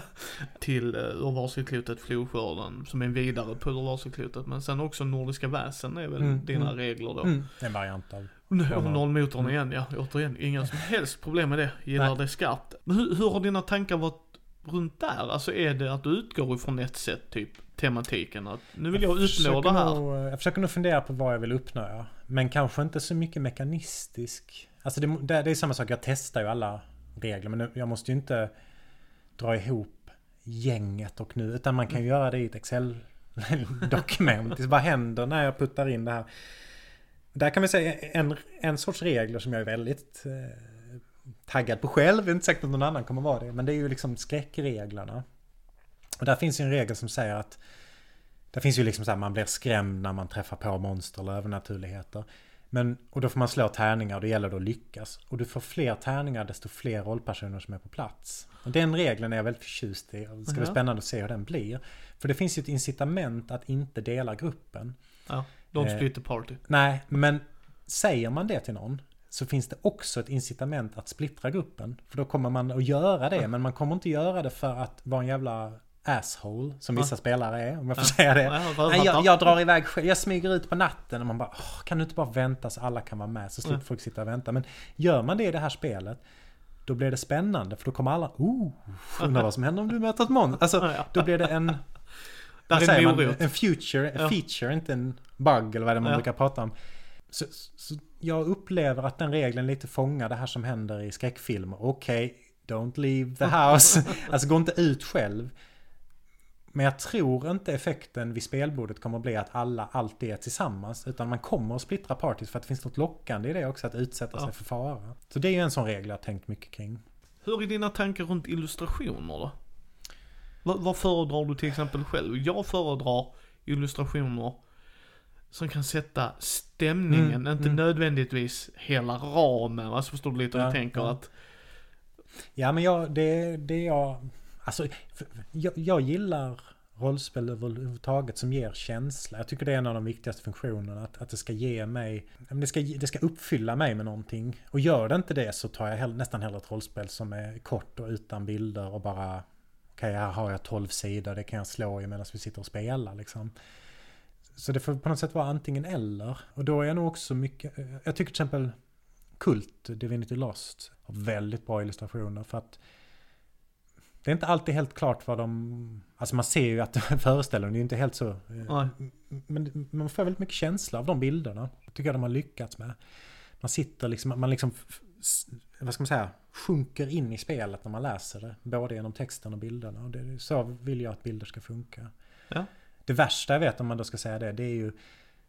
Här har vi ett rollspel som handlar om krig och så ser vi en bild på fyra soldater som sitter och skjuter på fyra soldater. Alltså det är så här, ja jag vet att det är soldater, jag behöver ingen mer information om det. Jag läste det precis i texten liksom. Nej men för, jag, jag håller med dig. Alltså för att om jag till exempel skulle läsa, nu har jag sett Witcher precis, Mm. eh, nyligen i mellandagarna och det. Och jag gillar det som Sören och jag börjar läsa böckerna. I böckerna finns det inte illustrationer, det behöver jag inte för det är en Nej. bokbok liksom. Mm. Men när man tittade lite i eh, regelboken för rollspelet.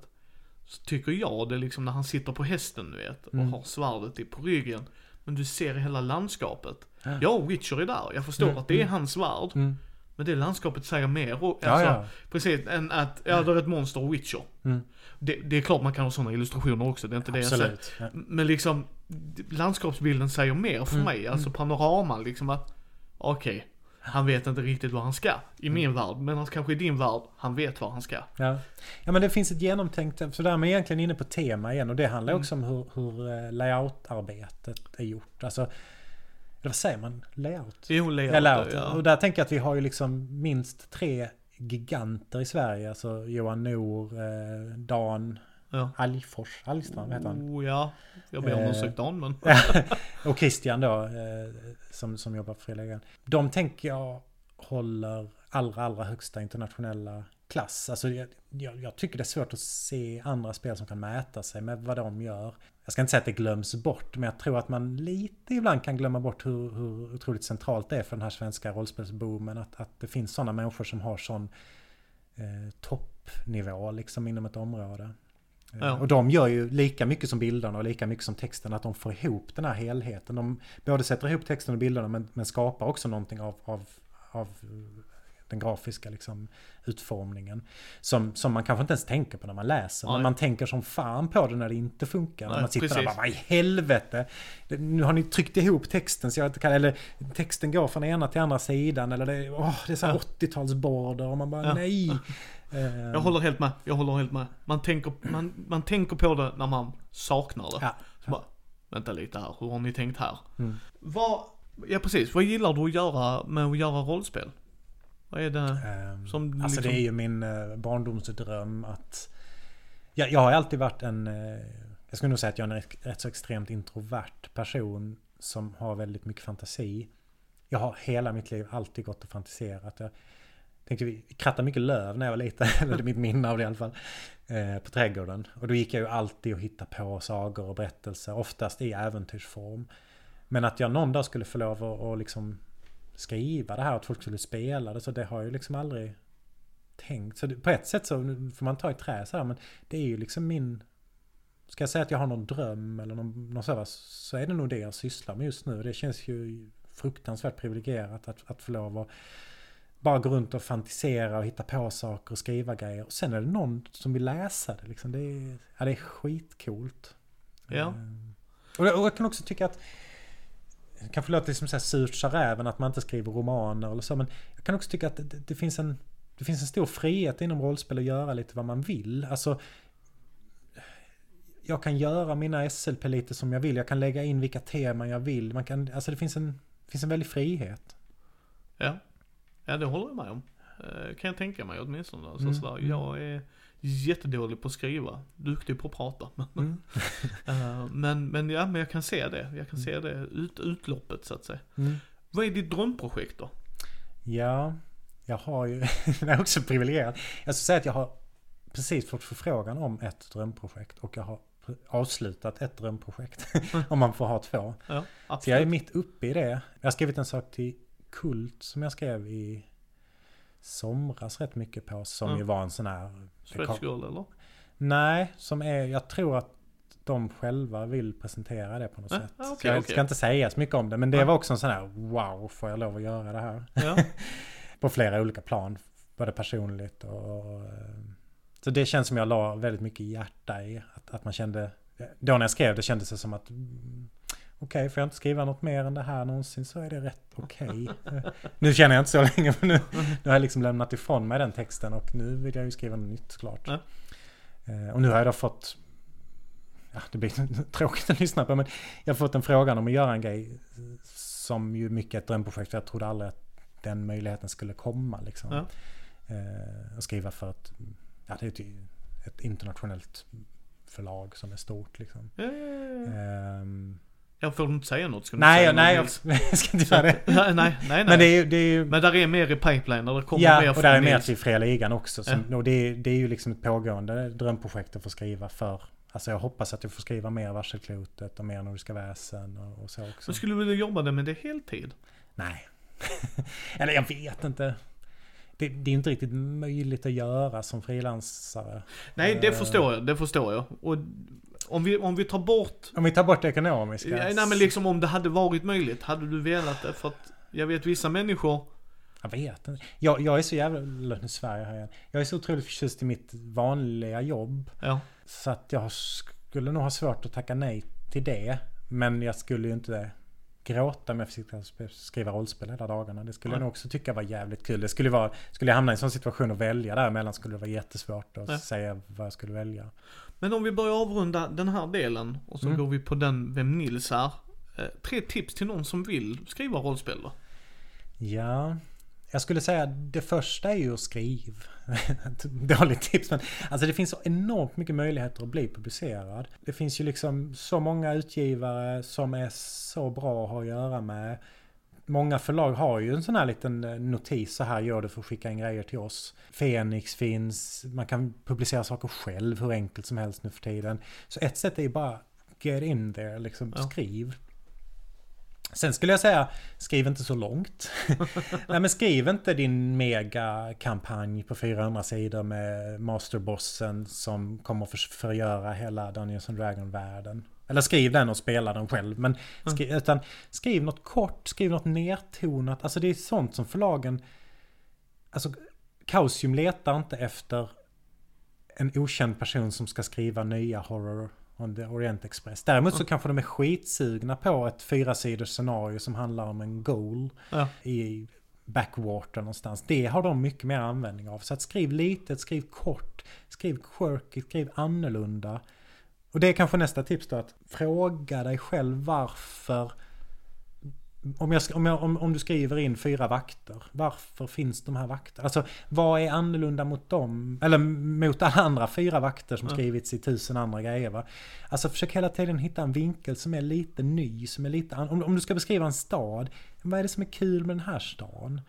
Och där kan man ju gå bananas liksom som man gör i många OSR-grejer att Väggarna är gjorda av levande hud och överallt så skriker folk ens på sina barn. Jag vet inte men de, de går ju helt crazy liksom. Men det blir ju något nytt. Men man kan göra det på andra sätt. Man kan göra SLP-erna intressanta. Man kan göra det med en twist. Man kan göra att de onda inte är helt onda. Alltså man kan göra en massa saker. Om man ska ha ett magiskt föremål, skriv inte en slagsvärd plus ett. Utan vad, vad är det som är kul med det här? Alltså varenda del man skriver, ställ dig den frågan. Vad är, vad är speciellt med det här? Vad är intressant? Var, varför ska det här tillverkas, den här texten överhuvudtaget? Ja.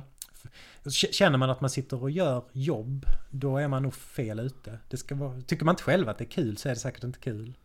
ja, det ska jag tänka mig. Sen tror jag vissa får ju power through it, absolut. Man har Och sådana... sådana delar av processen är det helt klart. Men jag tänker just Ja. när man sitter och hittar på det, om man inte då tycker det är kul, så är det nog inte så kul. Nej, nej, jag förstår det. Liksom Eh, grundprincipen måste du vara taggad åt. Sen kommer det en Sen, legwork. sen kommer det ett svintråkigt jobb, redigering. Ja, och korrläsning Ja, och... ja. Och det är ju, alltså 95% av jobbet är ju det tråkiga på slutet. Det är ju det som är den stora arbetsbördan. Och där kan man väl också säga, läs mycket, undersök vad du är dålig på. Alltså jag är ganska dålig på grammatik till exempel. Jag sliter som fan med att försöka bli bättre på det. Ja. Jag försöker hitta sina luckor liksom. Ja. Eh, Men jag tänkte vi går på till dig som person. Ja. Vi, och oftast eh, grejen med Mindy är ju att vi ska känna personerna bakom projekten. Mm. Att få lite inblick i. Så jag, jag tänker jag börjar alltid med den enklaste frågan. Vem är Nils? Ja, det är ju en enkel fråga. Nej, men jag är nog en rätt så vanlig svenne kanske. Man kan säga. Bor i Malmö. Två små barn. En ettåring, en fyraåring. En fru. Jobbar som psykolog. Fokuserad på trauma och PTSD. Ja. Som sagt ganska, jag är nog inte den mest sociala personen i världshistorien kanske. Har lätt för att liksom gå in i mig själv och vara introvert och fantisera. Och mycket det som är ingången i rollspel. Sen är det fan, alltså det här med att skaffa barn skulle jag kunna prata en hel podd om. Men det ändrar ju en. Man plötsligt så definierar man inte sig längre som så här, jag lyssnar på den musiken eller Nej. gör det och det. Utan det är, bara, det är bara ett kaos som man försöker överleva. Sen kommer man förhoppningsvis komma ur det någonstans om Ja, tio år. och sen, eh, hur många gånger har du inte sett X-film? Fråga syrran. Mm. Bilar. Mm, hon har sett sönder den filmen. Och det är ingen Oscarsfilm överlag Nej, nej. liksom. Ja, Hemma, No hemma är det. Frost som, och den är ju bra men Ja. den var ju bättre första gången än femtonde. Min pappas kompis eh, var stödfamilj åt en liten flicka. Och Mm. eh, han sa det, han hade aldrig sett Askungen förutom det de hade sett på julafton. Nej. Första gången var den bra sa han. Mm. Elfte gången var den inte bättre. Men det är ju sådana grejer man får göra uppoffringar. Så jag kan absolut tänka mig det liksom. Ja, ja. Nils före barn, Nils Ja, efter barn. En stor del av ens personlighet är utraderad. Förhoppningsvis kommer den tillbaks. Vi Ja. får se. Eh, Ja. Eh, vad är ditt tidigaste spelminne? Alltså, där du kände, spel gillar jag. eh, spel överhuvudtaget. Ja, absolut. Jag vet fan inte alltså. Rollspel är, var ju... Min mamma spelade med min storebror när jag var fem. I Oj. köket. Eh, det var ju väldigt tydligt och väldigt starkt minne. Ja. Eh, Sen så spelar, har jag ju spelat hela min uppväxt med min storebror. då. Det blev ju Ja, att han, ja. hon var första spelledaren och sen tog han över liksom. Men spelar mamma idag? Nej, hon, Nej. Alltså hon är ju, det är ju en fantastisk mamma som gör Ja. så. Hon läste liksom in hela Drakar och Demoner och spelade. Alltså, hatten av till mamma där, det måste Ja. jag säga. Det får man säga. Men spel. Jag har alltid gillat spel men, men jag är inte... eh, Jag är varken en så mycket min maxare eller en... eh, Jag har inte riktigt tålamod för spelighet i spel egentligen. Utan jag är nog mer Tematik. way. tematik. Ja, och också göra saker ihop. Att det är Ja. kul. Jag gillar ju brädspel som är liksom samarbetsbrädspel. Alltså Ja. Pandemic. Ja. Vad sa du? Ja, co-op. Co-op, Som det heter på exakt. engelska, men Ja, samarbetsspel. Ja, absolut. Det, är- det är jag ju väldigt förtjust i. Ja. Eller spel som... Alltså Dominion, det här kort, Ja. heter det? kortspelet Ja. gillar jag jättemycket för att när vi spelar det så är det alltid samma personer som vinner och det är ju inte jag. Men jag kan ju sitta och syssla med min grej. Jag kan ju bygga min lek med, alltså det blir inte tr- eh, tråkigt på det sättet som Agricola blir inte så kul för mig. Jag gillar bara- inte Agricola Nej, jag sitter bara och förlorar hela tiden och tycker det är lite surt. Och så föder man till sina ungar. Och så får du asmycket minuspoäng och jag Mm. är inte jättemycket för att vinna. Men det blir också väldigt tråkigt när alla andra springer Ja, ut det- från den lilla kullen så är det Kebnekaise för mig. Ja, det är mycket det, alltså det spelet är ju så hårt skruvat liksom. Ja. Så att är man gillar man inte att vinna och vinner aldrig så, eller det är klart man gillar att vinna men ska man säga så här. Är tävlingen inte det viktiga så är inte det så jävla kul. Nej. Men du spelar ju brädspel då? Mm, och då antar jag, ja precis. Men är du då mer Eurogamer eller Ameritrasher? Förstår du vad jag menar då? Eurogamer det är Agricola va? Ja, Eurogamer är mekanik, det är det viktigare.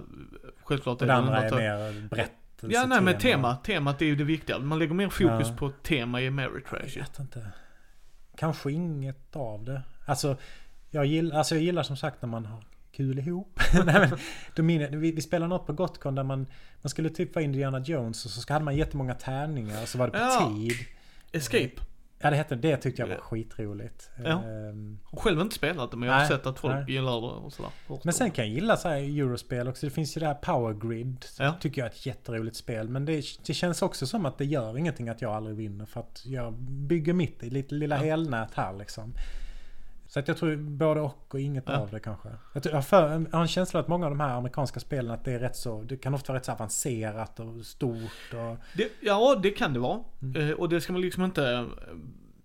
absolut, det har du helt rätt i.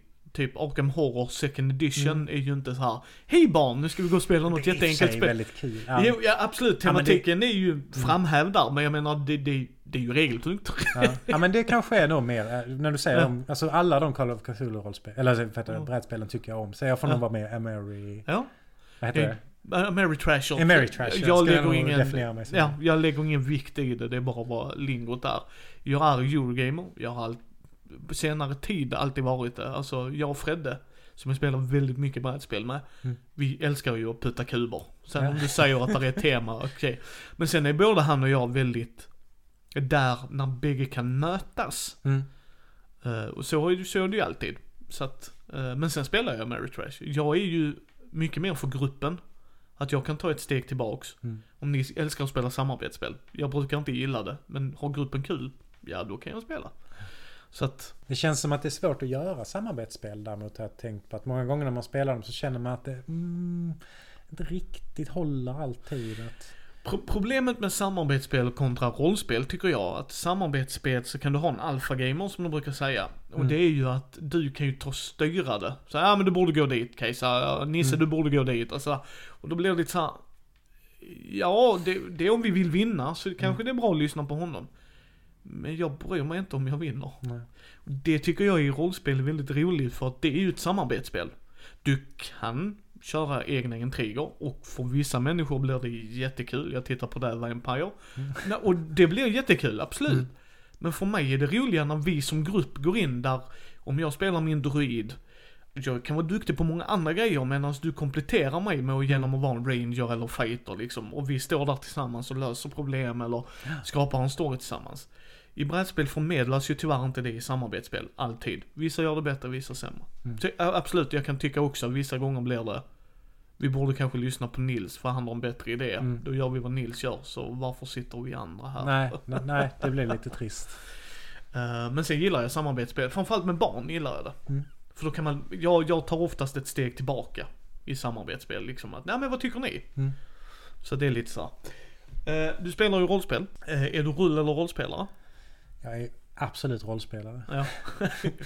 Vi brukar ställa frågor men jag, jag misstänkte det på det Ja. du sagt innan men. ja, då följdfrågor som vi brukar ställa som sagt. Är du hellre spelledare eller spelare? Jag tycker nog det är roligare att vara spelledare. Men just nu har jag inte riktigt tid. Ja, det är ju mer jobb. Det är det absolut. Och det går lite in på skrivandet också. Det tar liksom samma tidslott och samma tankeslott. Och så. så just nu är det rätt gött att den kampanjen vi kör i så är jag spelare. Vad spelar ni? Vi spelar eh, Call of Cthulhu. eh, En egenskriven. Fast det är inte Call of Cthulhu-regler. Det är, det är hemkomponerade regler. Ja, det spelar ingen roll. Det är mytosen. Den Ja, mytosen ja, är ja. fantastisk. Ja. Jag älskar ju den mytosen. Eh, Jag körde, första gången jag körde Call of Cthulhu så körde jag ett eget skrivet äventyr. Och det var väldigt enkelt, alltså jag mindmappade ut det och så här, Mm. liksom den ledtråden leder dit och så sådär. Och så hittade de en av ledtrådarna så var det en mannen som var död. Han liksom satt i en sån, tänk dig brittisk fåtölj du vet. Mm. Så här, smoking chair. Och så hade han, verkar han ha tappat en eh, sån spåkula.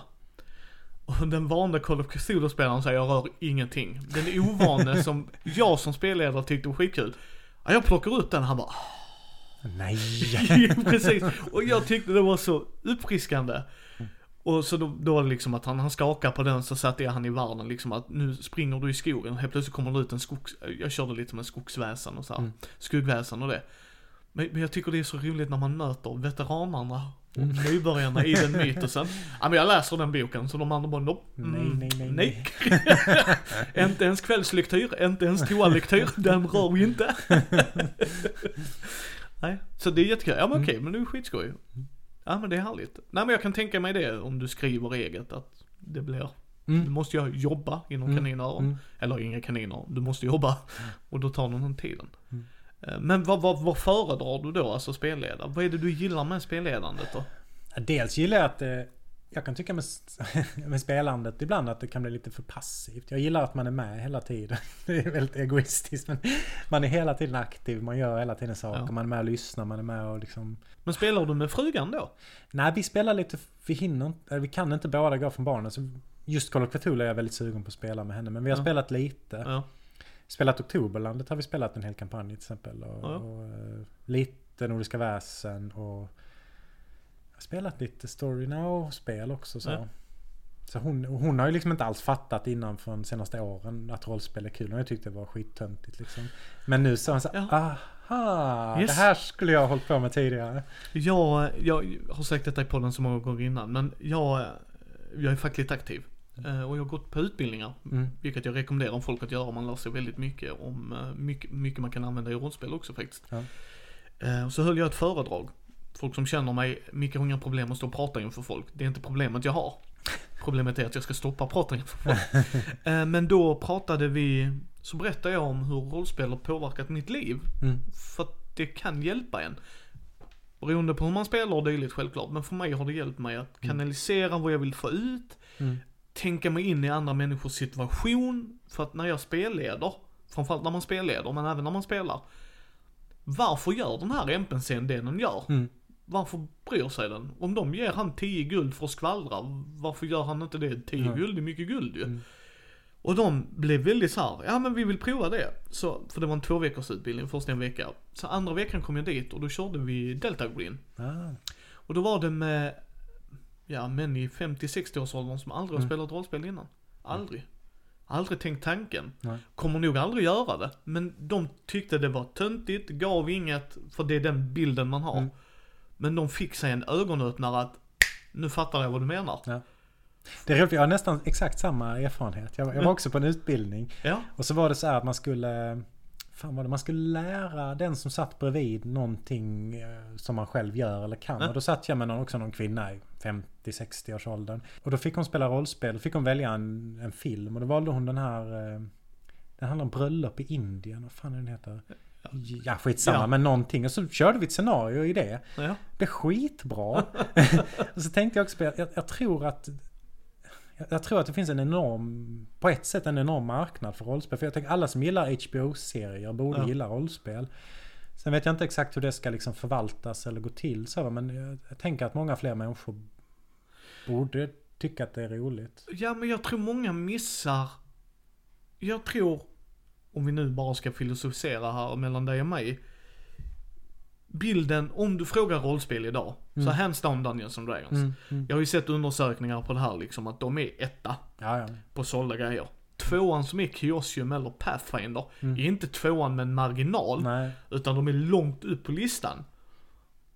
Och säger du då Daniel så ja men det är grottröjarspel. Och jag Mm. kan förstå att det inte tilltalar alla. Jag tror både du och jag inte är vår preferred way att spela. Nej. Fått lära dig känna Och där, det. där kanske man har hittat de som gillar det. Jag tror inte att det finns en enorm mar- marknad av Dungeons and Dragons-spelare som inte hittat dit. Nej, Däremot precis. så kanske det finns eh, jättemånga som skulle vilja spela Sopranos eller som... Precis, alltså just bara karaktärsutvecklande biten. Mm, mm. Att de hamnar i situationer, jag går in på bröllopet, vad Mm. ser jag? Ja, du ser ett par där. Alltså du vet, bara den interaktionen. Drar aldrig upp ett vapen, slåss aldrig. Nej. Bara den sociala interaktionen som du sa där innan, Mm. liksom berättelserna. Karaktärsutvecklande, känslorna. Det finns ju en... Eh, kommer jag inte ihåg vad han heter men... Åh, står still. Men han har i alla fall gjort en hel del rollspel. Han har gjort något som heter Mord till middag som är liksom boxar med Ja, enkla scenarium som det står, ordet rollspel används aldrig. Utan det är, jag gissar att det är tänkt till så här medelålders par som ska spela det på parmiddag. Jag tror inte att det har slagit så mycket för jag har inte sett det så mycket men det är en briljant idé. ja. Och där har jag faktiskt varit med om att jag har hört kompisar som så här vi, vi körde lite mord till middag. Så här, Spelar ni rollspel? Nej, vadå Nej. rollspel? Man har liksom inte fattat att det är det de gör. Jag tycker Oj, det är... Jag tycker det är synd. idé. Ja, nej, men, Mm. och det är jättebra för man behöver inte kalla det rollspel för mig. Nej, Men nej. jag tror många missar den grejen liksom att, ja men det är Dungeons and Dragons för eh, jag var uppe i World of Board Games i Umeå, Mm. den brädspelsbutiken som också börjat sälja rollspel. Jag känner Thomas där och nu även de som jobbar där, Måns och de trevliga, shoutout till er killar och tjejer. Men då, då stod de, ja men för vi har sett Critical Role. Och det Mm. köper jag liksom absolut. Mm. Men så sa jag till dem, prova gärna Dungeons and Dragons, startersättet rekommenderar jag.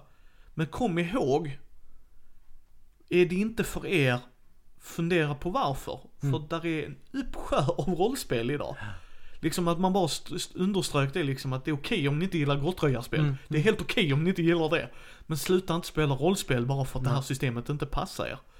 Eh, och då rekommenderade jag liksom MUTANT år 0, regelmotorn liksom Mm. och sådär. Eh, och nu kommer jag rekommendera dem ur varselklotet för liksom, Mm. vill ni ha ett snabbt enkelt system att komma in i ur varselklotet. Mm. Så att nej, jag tycker det Folk har en fast bild av det och det är lite det vi vill bryta lite med Ja. Mindy och. Och, Och och det. det är kanske, det är väl viktigt att säga också att jag vill inte skriva Dungeons and Dragon grejer och jag kanske inte alltid gör så mycket reklam för det. Alltså, men det är ju inte för att det är dåligt utan det är för att det, det finns ju en miljard äventyr till det. Det finns sjukt mycket bra saker till den spelstilen.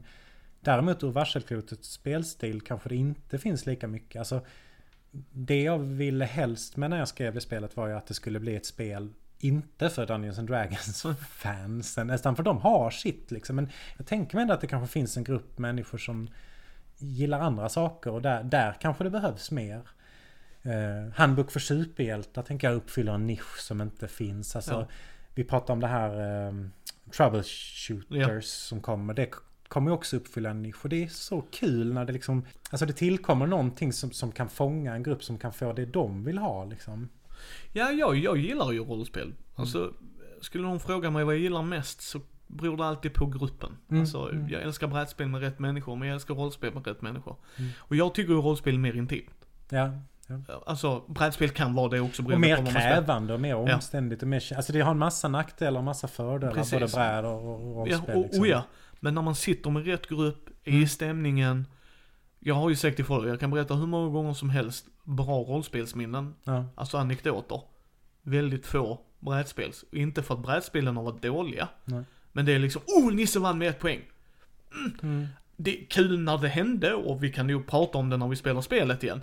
Men jag kommer ju komma ihåg när min kusin dödade barn med barn. Det har jag ju aldrig glömt i hela mitt liv. Eller liksom när en spelare liksom, eh, en av mina favoritspelare är Fredrik Weber som kommer att vara med imorgon. Eh, han är hängiven till spelledaren. Mm. Liksom att om han blir charmad så vet jag att vissa spelare, ja men jag försöker och du vet Mm. så här, han bara, ja men jag är charmad. Mm. Ja men du tycker de ser trevliga ut? Ja det är klart de är trevliga. Alltså du vet han bara ger sig in i det och öppenhjärtat och liksom, det är klart det är kul. Sen Det är ju skitroligt. Ja precis, sen har vi nog haft rollspelstillfällen i våra dagar där vi nog skulle kunna kolla tillbaks på det. Var det så bra egentligen? Mm. Alltså, men ja, det är nischat tyvärr på fel sätt tror jag. För jag tror många hade nog tyckt det är kul. Ja, eller i alla fall, jag tror att det eventuellt skulle kunna finnas en marknad där som, som är outnyttjad. Lite Ja. kanske. Ja, jag tycker mer rollspel till folket. Ja. Men jag tänkte vi skulle avsluta här nu så att jag inte uppehåller dig en hel dag här. Men vad tycker du är som underbarast med vår hobby? Jag är väldigt förtjust i, i alltså där diskussionsforumet rollspel.nu och hela den eh, liksom, det kan vara eh, rövhål där också och konstiga diskussioner. Jag kan väl också vara rövhål där ibland. Men jag tycker generellt att det finns en väldigt trevlig liksom eh, någonting inkluderande och folk liksom värnar lite om varandra. Det finns ju det här till exempel det här Dankon som, som Dan Alistrand heter han väl? Ja. Eh, har. Där han då bjuder in forumiter och man får träffas hemma hos honom. Och eh, jag tycker att det är, det, är, det är liksom en vänlig stämning mellan människor som jag gillar. Och jag gillar också när man åker till Gotcon att det, det känns jävligt hemma att komma dit. Liksom. Ja. Massa människor. Man, man kan liksom lite försiktigt närma sig någon och snacka. Och sen det är liksom inga konstigheter. Så jag tycker den är rätt så... Ja, I alla fall hyfsat snäll och vänlig och liksom välkomnande. Ska du till Gothcon i år då? Det blir nog garanterat så. Ja, jag ska dit. Det är Ja. mitt elfte år i rad så. Ja, då slår du mig. Ja. Femte, sjätte i rad. Liksom. ja, men jag gillar det. Av den anledningen du säger. Mm. Man går in på Gothcon och så kan man stå och prata om någonting. Ja. Det är liksom, eh, jag har varit på Gencon, 55 000 andra nördar. Mm. Och du kunde alltid stå och prata spel. Ja. Alltså det spelade ingen roll vad för spel utan de bara, ja, spelar, ja, alltså. Och det, det tycker jag också är en rolig grej. Det här att man kan spela med människor som man har, man har träffat dem i tio år. Man Mm. har ingen aning vad de jobbar med. De har aldrig Nej. frågat mig det. Nej. Och ibland kan jag tycka att det känns lite konstigt. Så här, men, så här när min fru frågar mig, men du vad gör... Fan ingen aning. Var kommer han? Ingen aning. Har han några syskon? Jag vet inte. Men, Och, och det, det är precis, för att där kan man helt plötsligt sitta, och, och i rollspel blir det ju också en helt annan syn på det. Mm. För i brädspel så kan man, alltså du vet, där spelar vi. Men säger någon till mig, jag kör lastbil. Mm. Ja, och så gör jag så här och så här och jag bara, eh, det kan du inte göra. Och de Mm. bara, och hur vet, jag kör lastbil, det är helt omöjligt. Bara, förlåt att jag bryter immersion, men för mig blir det en sån grej bara, det går inte. alltså förstår du vad jag menar liksom? Mm. Absolut. Och så bara kör vi på 48, nej nej, vi kommer knäcka bilen för, nej stopp, stopp. men det är då man kommer på det, förstår Ja, du? precis. liksom, aha! Aha, du kör lastbil, aha okej. Eh, liksom, jag håller helt med dig och det är det som är så roligt. Mm. Att där kan en lastbilschaufför, civilekonom, har jag en polare som är, tre högskoleexamen i matematik du vet. Sjukt logiskt och det, så sitter vi och spelar. Ja. Och så bara, vad gör han? Nö. Ja men det är, något, det är något väldigt fint i det. Att man liksom möts. Precis. Det, det är det här som för oss samman och det, det, ja, det är rätt så fint. och, och det stannar liksom där som du säger. Liksom, har han fru? Tror jag. Mm. Och så varför tror du det? Ja, för jag för mig han har sagt, nej frun fyller år så därför kommer jag inte idag. är det bara därför du vet?